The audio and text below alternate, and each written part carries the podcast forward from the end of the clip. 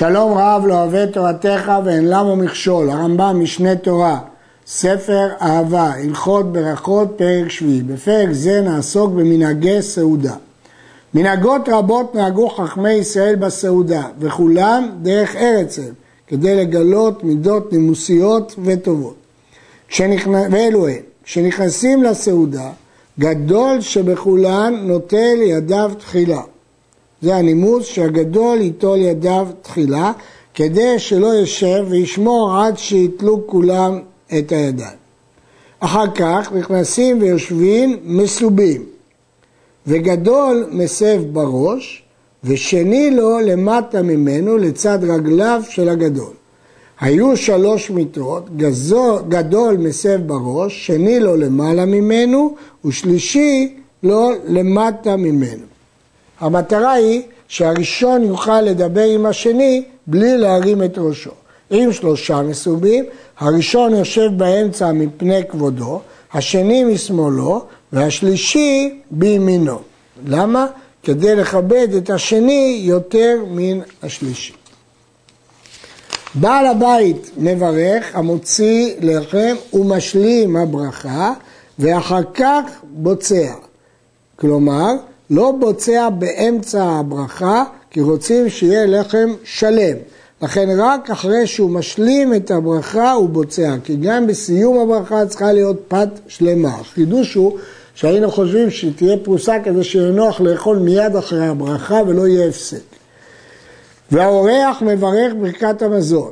בעל הבית הוא זה שבוצע כדי שייתן לאורחים בעין יפה. אבל האורח יברך ברכת המזון כדי שיברך לבעל הבית, כי בתוך הנוסח של ברכת המזון יש ברכה מיוחדת שהאורחים מברכים את בעל הבית. ואם היו כולם בעלי הבית, גדול שבכולם בוצע, והוא מברך ברכת המזון. אין הבוצע רשאי לבצוע כשיביאו מלח ולפתן לפני כל אחד ואחד, מפני כבוד ברכת המוציא שיהיה נאכל יפה, שהפת תאכל יפה עם לפתן. אלא אם כן, התכוונו לאכול פת חרבה, אם הם מעוניינים לאכול פת בלי טיבול. ואינו מוצא לא פרוסה קטנה, פני שהוא נראה כצר עין, ולא פרוסה יותר מקבצה, פני שנראה כרעבתן. ובשבת יש לו לבצוע פרוסה גדולה, ואינו בוצע אלא ממקום שבשל יפה יפה. הגמרא מספרת על מנשה מלך יהודה ששאל את רב אשי על מה בוצעים את הפת. הוא ענה לו ממקום שגמר בישולו יפה, ממקום דקרים בישולה. מצווה מן המובחר לבצוע מכיכר שלמה. אם הייתה שם שלמה של שעורים ופרוסה של חיטים, אז מצד אחד השלמה עדיפה, מצד שני חיטים עדיפים על שעורים. מניח פרוסה מתוך שלמה ובוצע משתיהם. הגמרא מכריעה שירא שמיים יוצא ידי שניהם. לכן הוא מניח אותה בתור זו כדי גם לבצוע על השלמה וגם על החיטים, כדי שיבצע מחיטים ומשלמה.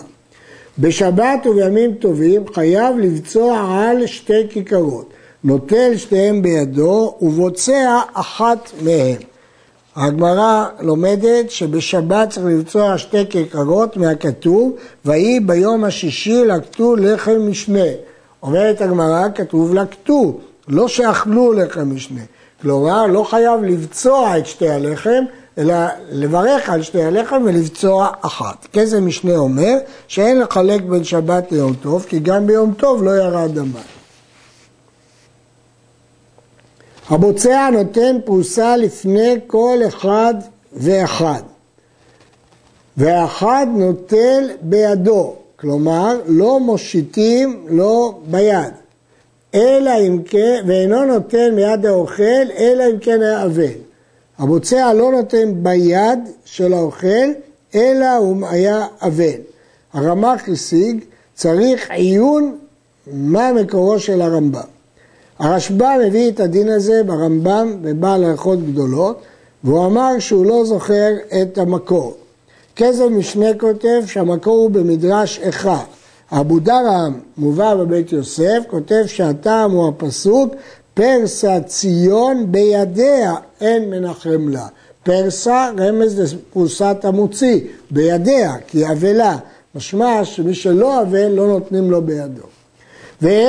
והבוצע הוא שפושט ידו תחילה ואוכל, הוא זה שברך, אז הוא הראשון שאוכל. ואין המסובים מסובים רשאים לטעום עד שיטעום המברך. ואין הבוצע רשם לטעום עד שיכלה אמן מפי רוב המסובים.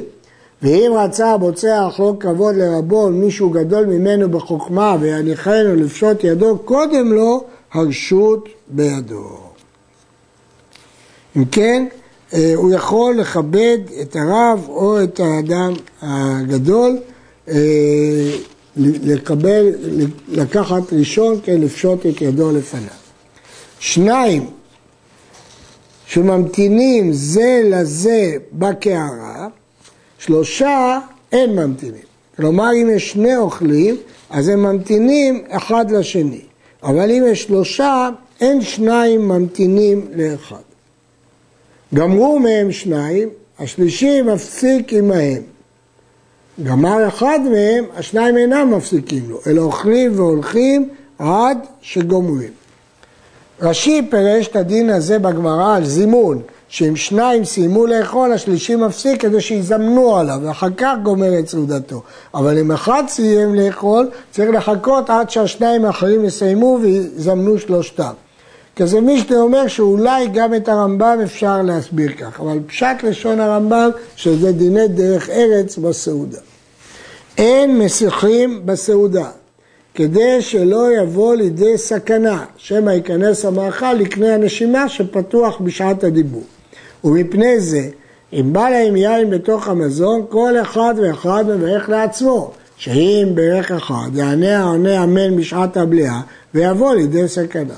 ואין מסתכלים בפני האוכל ולא במנתו כדי שלא לביישו. כדי שלא לבייש או יחשוב שמסתכלים שהוא אוכל יותר מדי, אז לא מסתכלים לא בפני האוכל ולא במנתו. השמש העומד לפני המסובים אינו אוכל עמהם. הסיבה היא כדי שלא יתרשל בשימושה. ודרך רחמנות היא ליתן לתוך פיו מכל תבשיל ותבשיל כדי ליישב דעתו. כי המאכלים שיש להם ריח מעוררים את התיאבון ויכולים לסכן אם לא יאכלו מהם. ואם נתנו לו יין, מברך על כל כוס וחוס שנותנים לו. ואין שתייתו תלויה ברצונו, אלא ברצונם. הוא לא יודע אם ייתנו לו או לא ייתנו לו. לכן הוא מסיח את הדעת בין כל כוס וכוס, ולכן הוא צריך לברך על כל כוס וכוס. יש לשאול, למה הרמב"ם אמר את זה רק לגבי כוס וכוס, ולא אמר את זה לגבי פרוסה ופרוסה. באמת, בגמרא רבי זרע בשם רב אומר שאינו מברך על כל פרוסה ופרוסה, רק על כל כוס וכוס. רבי יוחנן אומר שמברך על כל פרוסה ופרוסה. הגמרא אומרת שאפשר להסביר שאין מחלוקת. רב דיבר כשיש אדם חשוב, שוודאי ייתן לו לחם, ורבי יוחנן דיבר שאין אדם חשוב. על הרמב"ם לא הזכיר חלוקה זו, והכסף משנה מסביר מה דעת הרמב"ם, האם יש חילוק בין לחם ויין או אין חילוק. יצא אחד מן המסובין להשתין מים, נוטל ידו אחת ונכנס. את אותו יד שיש חשש שהתלכלכה, נוטל אותה ונכנס. דיבר עם חברו והפליג, העריך בדיבור, אז הוא הסיח את דעתו מן הסעודה, ולא נזהר לשמור את ידיו, והן עסקניות, נוטל שתי ידיו ונכנס בגלל שהוא הפליג, בגלל שהוא העריך בדיבור. ואם היו מסובים לשתייה, נכנס ויושב במקומו ונוטל ידיו כדי שלא יחשדו שהוא לא נטל ידיים, אחר כך מחזיר פניו לאורחים. ולמה נוטל במקומו? שמא ידמו שלא נטל ידיו מפני שאין שם אכילה. בלחם הם יהיו בטוחים שהוא נטל ידיו, אבל ביין הם יחשבו אולי הוא ויתר על נטילת ידיים ולכן הוא צריך ליטול בפניהם. אין מניחים בשר חי על הפת, כי זה גורם להפסד אוכלים מפני המיאוס. ואין מעבירים כוס מלא על הפת, שמא יפלו טיפות וימאס הפת. ואין סומכים את הקערה בפת, לא עושים בפת שימוש של כלי, גם שמא יישפך המרק על הפת ותימאס. ואין זורקים את הפת ולא את החתיכות ולא את האוכלים שאין להם קליפין, כגון תותים וענבים ותאנים, פני שהם נמאסים. ומותר להמשיך יין בצינורות בבתי החתנים, כיוון שזה בצינור, וזורקים לפניהם כליות ואגוזים בימות החמה, אבל לא בימות הגשמים, פני שנמאסים. בקיץ שאין בוץ אז הם לא נמאסים, אבל בחורף שיש בוץ לא זורקים מפני שהם נמאסים. ואין נוטלים ידיים ביין בין חי בין מזוג, כי זה בזבוז ועיבוד של יין. וכן אין מפסידים שאר אוכלים ומשקים דרך ביזוי ובעיטה. הרמב"ם רומז שזה כאילו בועט בשפע שהקדוש ברוך הוא נותן לנו. אסור לאוכלים ליטול כלום ממה שלפניהם וליתן ביד בנו או ביתו של בעל הבית. שמא יתבייש בעל הסעודה, שהרי אין לו אלא מה שהביא לפניהם, ונמצאו הקטנים, נוטלים אותו והולכים, ואין לו משהו אחר לתת. כך מספרת הגמרא על שנות בצורת, על מעשה כזה שהיה שגרם לאסון. לא ישלח אדם לחברו חבית יין ושמן צף על פניה. שמא ישלח לו אדם חבית שכולה שמן, וידמה שיין ושמן הוא שעל פניה בלבד, ויזמן אוכל ויתבייש. וכן כל כיוצא בדברים אלו המביאים לידי בושה לבעל הסעודה אסורים. כלומר, המקרה של הרמב"ם מבוסס על מקרה כזה שהיה בגמרא, אבל כמובן כל מיני דברים אחרים שגורמים בושה אסורים. גמרו מלאכול, מסלקים את השולחן ומכבדים את המקום שאכלו בו ואחר כך נוטלים את ידיהם. שמא יישאר שם פירורים שיש בהם כזית, שאסור להלך עליהם וללחוץ עליהם, אבל פירורים שאין בהם כזית מותר לאבדם ביד. המשנה בברכות מביאה מחלוקת בית שמאי ובית הלל, האם קודם מכבדים את הבית ואחר כך נוטלים את הידיים. בראש הרמב"ם בפירוש המשנה מתעתעים את הבית, כלומר מסירים פירורים שנפלו מהאוכל. ההלכה במקרה זה כבית שמאי, יש דעה בגמרא שהדעות הן הפוכות, בכל אופן הדעה שמכבדים את הבית ואחר כך נוטלים לידיים.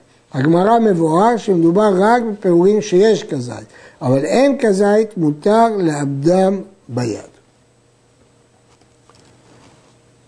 הביאו להם מים לנטילה, כל שברך ברכת המזון הוא נוטל ידיו תחילה, כדי שלא ישב הגדול וידיו מזוהמות עד שייטול אחר. ושאר הסועדים נוטלים ידם בסוף זה אחר זה, ואין מכבדים בדבר זה, שאין מכבדים בידיים מזוהמות ולא בדרכים ולא בגשרים, אלא בפתח הראוי למזוזה ובשעת כניסה. רק בדברים האלה מכבדים. בשאר הדברים לא מכבדים מי ייכנס ראשון.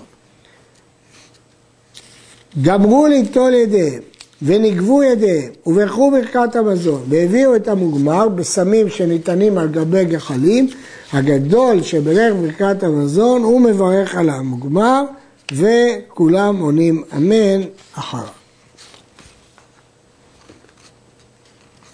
אם היה שם יין, מביאים כוס מחזיק רביעית או יתר על רביעית ומביאים מין בסמים, אוחז את היין בימינו ואת הבשמים בשמאלו, מברך ברכת המזון, ואחר כך מברך על היין, ואחר כך מברך על הבושם.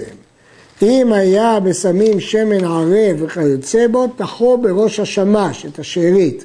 ואם היה שמש תלמיד חכמים, שאסור לו לצאת מבוסם לשוק מפני החשד, תחו בכותל כדי שלא יצא מבוסם לשוק. אף על פי שאין ברכת המזון טעונה יין, אם ברך על היין, כמנהג שאמרנו, צריך שידיח הכוס שברכה מבפנים וישטוף אותו מבחוץ. זה נקרא שטיפה והדחה. וימלאנו יאיר חי, וכיוון שיגיע לברכת המזון, נותן לתוכו מעט מים, כדי שיערב לשתייה. אם כן, מכבוד הכוס צריך שטיפה, הדחה, חי ומזוג. אלה הם הדברים שנשארו. למרות של הלכה, כוס של ברכת המזון אינה חובה. ואין מסיחים על כוס של ברכת המזון, אלא כל שותקים עד שתכלה ברכת המזון והיין וישתו. הסיבה שצריך להיות יין חי, כדי אה, כבוד היין, אבל מצד שני שיהיה מזוג. אין מזיחים על כוס של ברכה, זה דברי הגמרא במסכת ברכות. עד כאן.